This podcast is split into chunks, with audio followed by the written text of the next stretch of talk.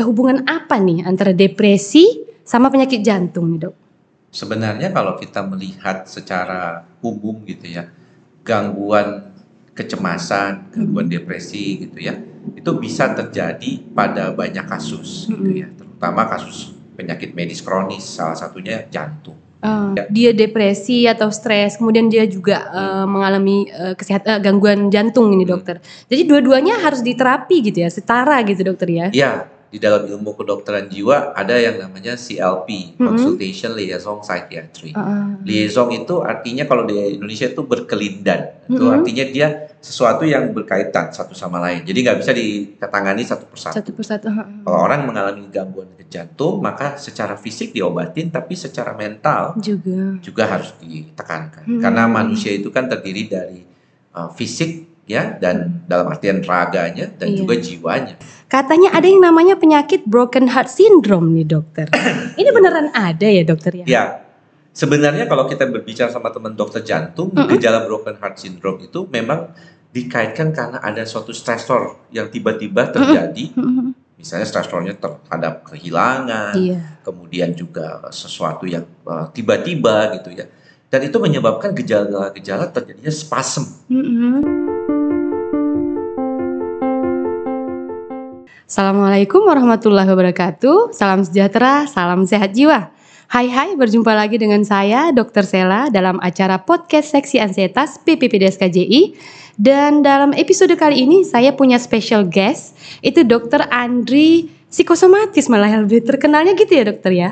Yaitu nama akun. sih. Nama akun Akunnya banyak kan mengenalnya dengan Andri Psikosomatik. Andri Psikosomatis ya. Tapi Dok? saya juga seorang dokter jiwa sebenarnya. Iya, jadi Dokter Andri adalah seorang psikiater, dokter spesialis kesehatan jiwa dan dalam kesempatan kali ini, alhamdulillah dokter punya waktu luang nih untuk eh, mampir ke acara podcast kita, eh, tentunya untuk membahas eh, tema-tema tentang kesehatan jiwa. Bersedia ya dokter ya? Tentu bersedia karena sudah di sini. Oke, terima kasih dokter.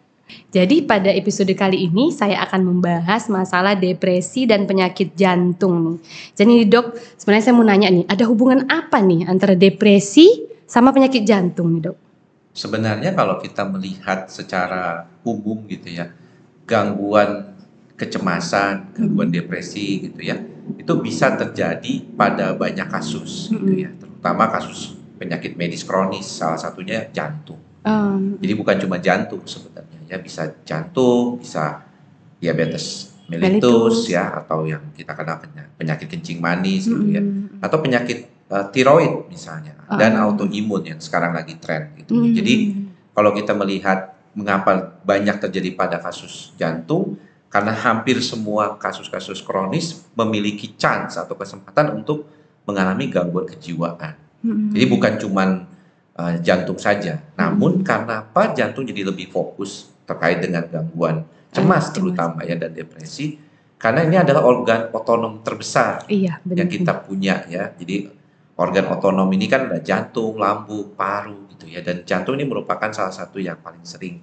juga eh, terjadi. Iya. Apalagi di Indonesia sekarang penyakit jantung kan merupakan salah satu penyakit penyumbang kematian terbesar. Terbesar ya benar-benar. Jadi wajar kalau orang tuh mengalami kekhawatiran ketika Mhm. dia mengalami sakit jantung dan akhirnya bisa mengalami gejala-gejala depresi. Depresi. Apalagi kalau kondisinya itu tidak terkendali ya keadaan. Hmm.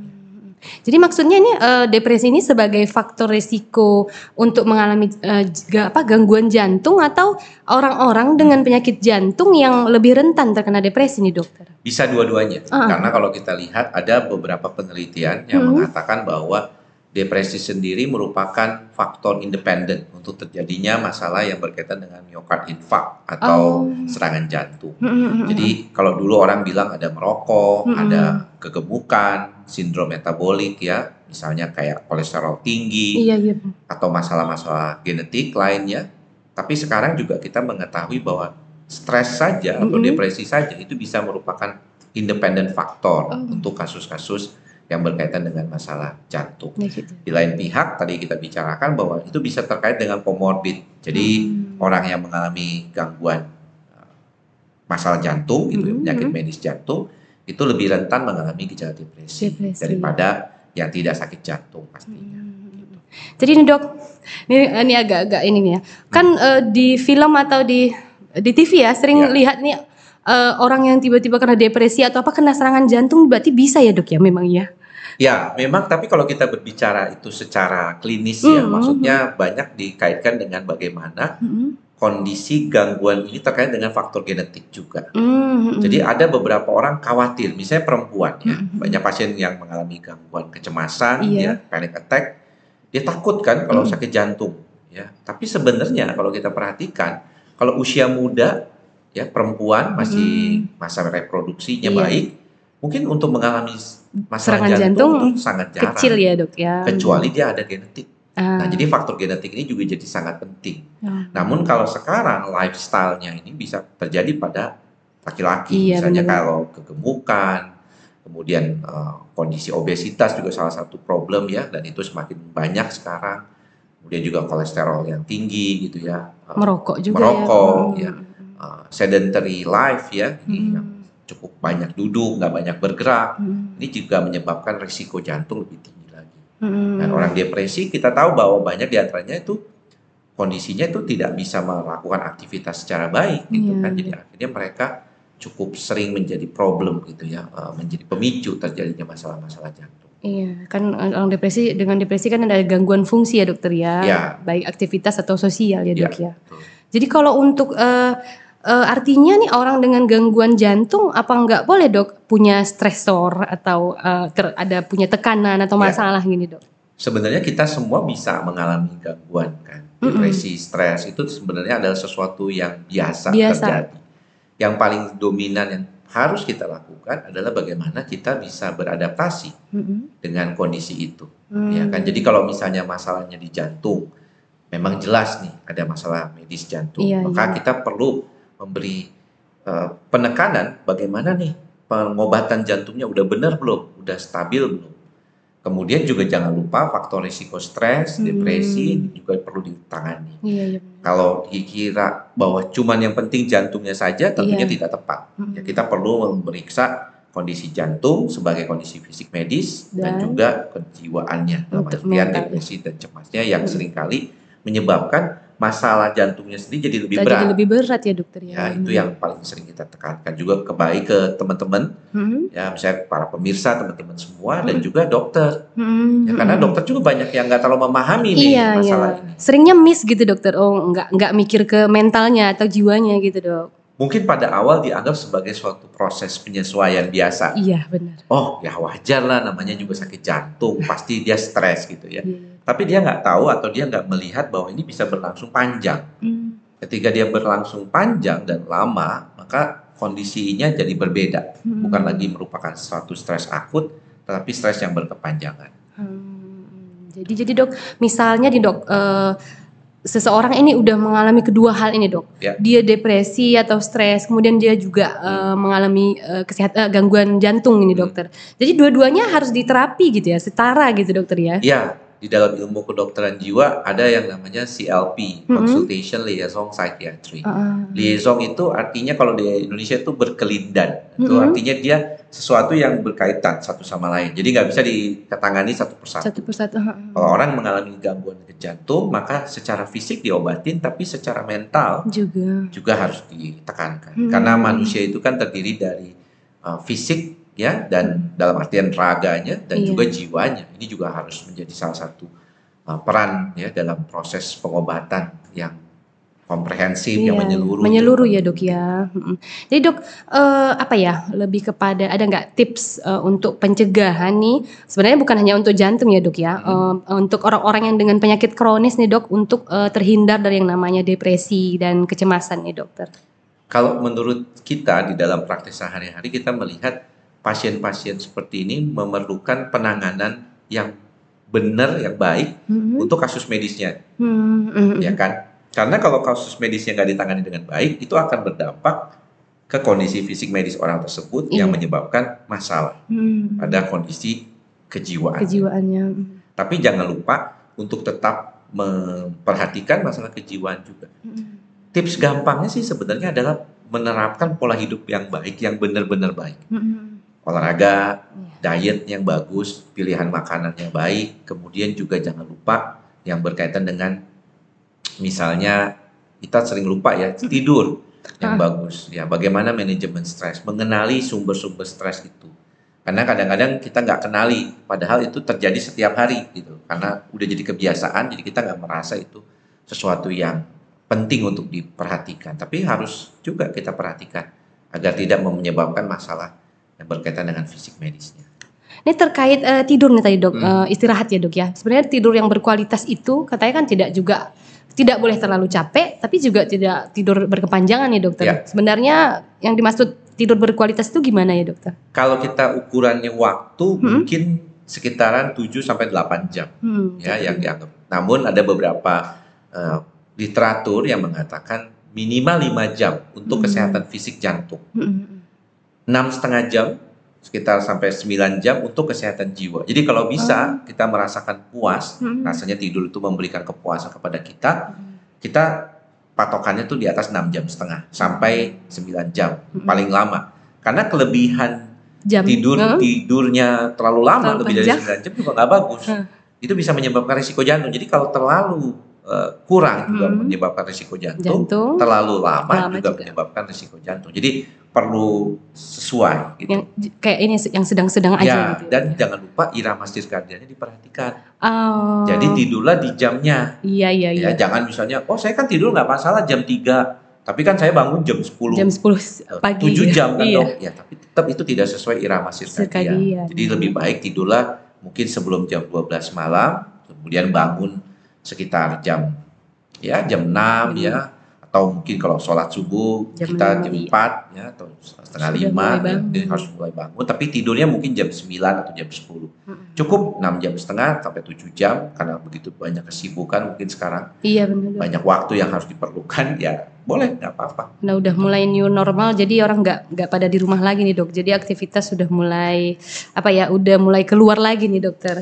ya tapi sebenarnya memang kalau kita melihat ya eh, dunia modern saat ini kelihatannya memang manusia itu semakin sibuk gitu ya Hmm. semakin memberikan eh, waktu yang paling banyak buat dia itu susah untuk dia beristirahat kalau dia mau karena dia merasa nggak bisa melakukan Mm-mm. you cannot catch up everything Iya, gitu kan jadi dia berasa kayaknya kurang waktu Terlalu banyak yang mau Ah. digah. Iya benar-benar. Nah, ini yang menyebabkan mungkin masalah eh, kadang-kadang terjadi kecapean kelelahan gitu ya yang membuat eh, kondisinya kalau kronis akan mengalami gejala-gejala stres yang awalnya mungkin tapi kemudian jadi cemas Hmm. dan akhirnya bisa mengalami masalah yang lebih berat seperti depresi.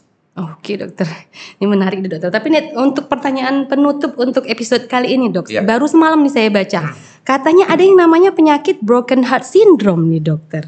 Ini beneran ada ya dokter ya? Ya, sebenarnya kalau kita berbicara sama teman dokter jantung, Mm-mm. gejala broken heart syndrome itu memang dikaitkan karena ada suatu stresor yang tiba-tiba terjadi, Mm-mm. misalnya stresornya terhadap kehilangan, Iya. kemudian juga sesuatu yang uh, tiba-tiba gitu ya.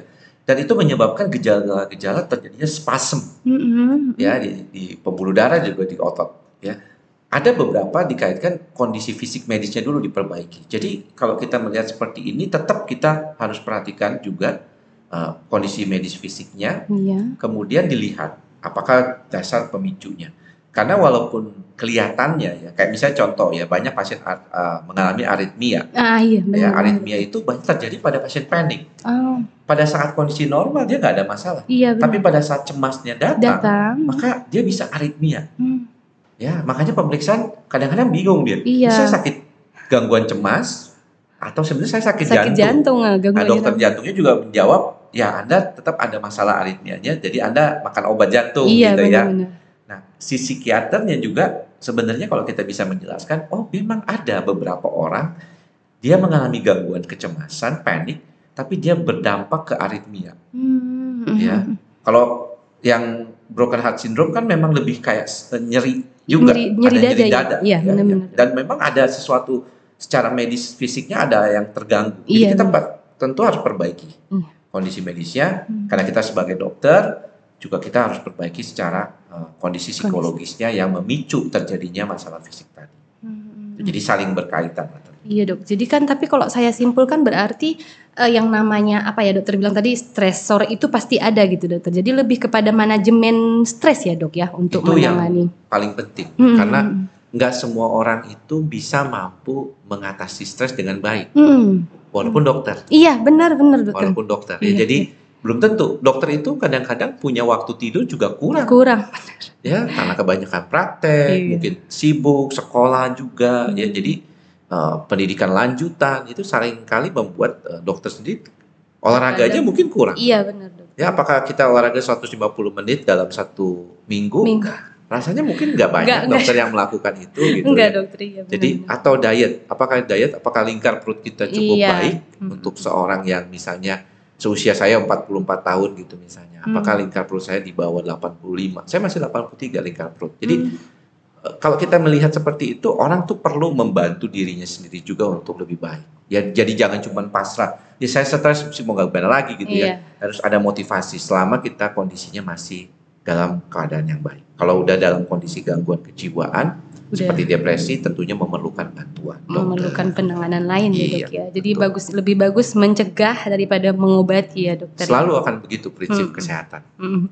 Dok, seru ya dok kayaknya nih ngobrol sama dokter karena eh, lupa waktu. Tapi nih karena banyak sekali nih yang masih mau ditanyakan karena seperti dokter katakan tadi, buk, sebenarnya bukan hanya jantung nih ya Hmm. yang berhubungan dengan stres dan depresi nih dok. Ya. Jadi untuk eh, episode selanjutnya boleh ya dok kita bahas eh, masalah lain nih dokter yang berhubungan dengan stres dan depresi nih dok ya. Tentu Oke, bisa dokter. mau tanya apa pun silakan. Iya, jadi, jadi sekian eh, untuk episode kali ini cukup sampai di sini dulu. Nanti kita bakal undang kembali mau ya dokter datang lagi dokter? Boleh kalau kebetulan nanti ke Medan kembali, Iya. saya akan bersedia mampir kembali ke sini. Sering-sering ke Medan dokter karena ke sini katanya kan banyak makanan enak. Benar nggak dok? Setuju nggak? Katanya enak dan enak sekali. Hanya ada enak dan Dan enak, enak sekali. Iya benar dokter. Jadi untuk eh, yang lain pasti udah udah apa ya udah follow Instagram beliau juga udah ada nonton YouTube. Tapi boleh dokter dikenalkan sekali lagi nih dokter? Akun Instagram saya Andri Psikosomatik. Kemudian saya juga sekarang di TikTok. Oh ada TikTok nih dok. Ada Psikosomatik Andri Mm. dan tentunya di YouTube channel Andri Psikosomatik. Oke, jadi terima kasih dokter karena dokter Andre nih eh, banyak sekali sharing tips dan malah banyak eh, pengetahuan-pengetahuan yang mungkin eh, untuk orang awam nih masih eh, terdengar tabu atau masih jarang didengarkan nih dokter ya. Ya, mudah-mudahan bermanfaat buat teman-teman semua. Oke, selain medsos nih dok, kalau misalnya ada yang eh, mau jumpa langsung nih dengan dokter, praktiknya Ya. di mana ya dok? Saya prakteknya di Alam Sutra di Hmm. Rumah Sakit EMC Hmm. Alam Sutra di Tangerang Selatan. Oke, jadi kalau ada nih yang punya waktu mau langsung eh, apa ya konsultasi dengan dokter Andri, boleh banget datang ke tempat praktiknya dokter ya dok. Ya. Mungkin itu aja untuk episode kali ini. Moga-moga nanti kita jumpa lagi pada episode selanjutnya. Salam sehat jiwa, tiada kesehatan tanpa kesehatan jiwa. Wabillahi taufiq wa. Assalamualaikum warahmatullahi wabarakatuh.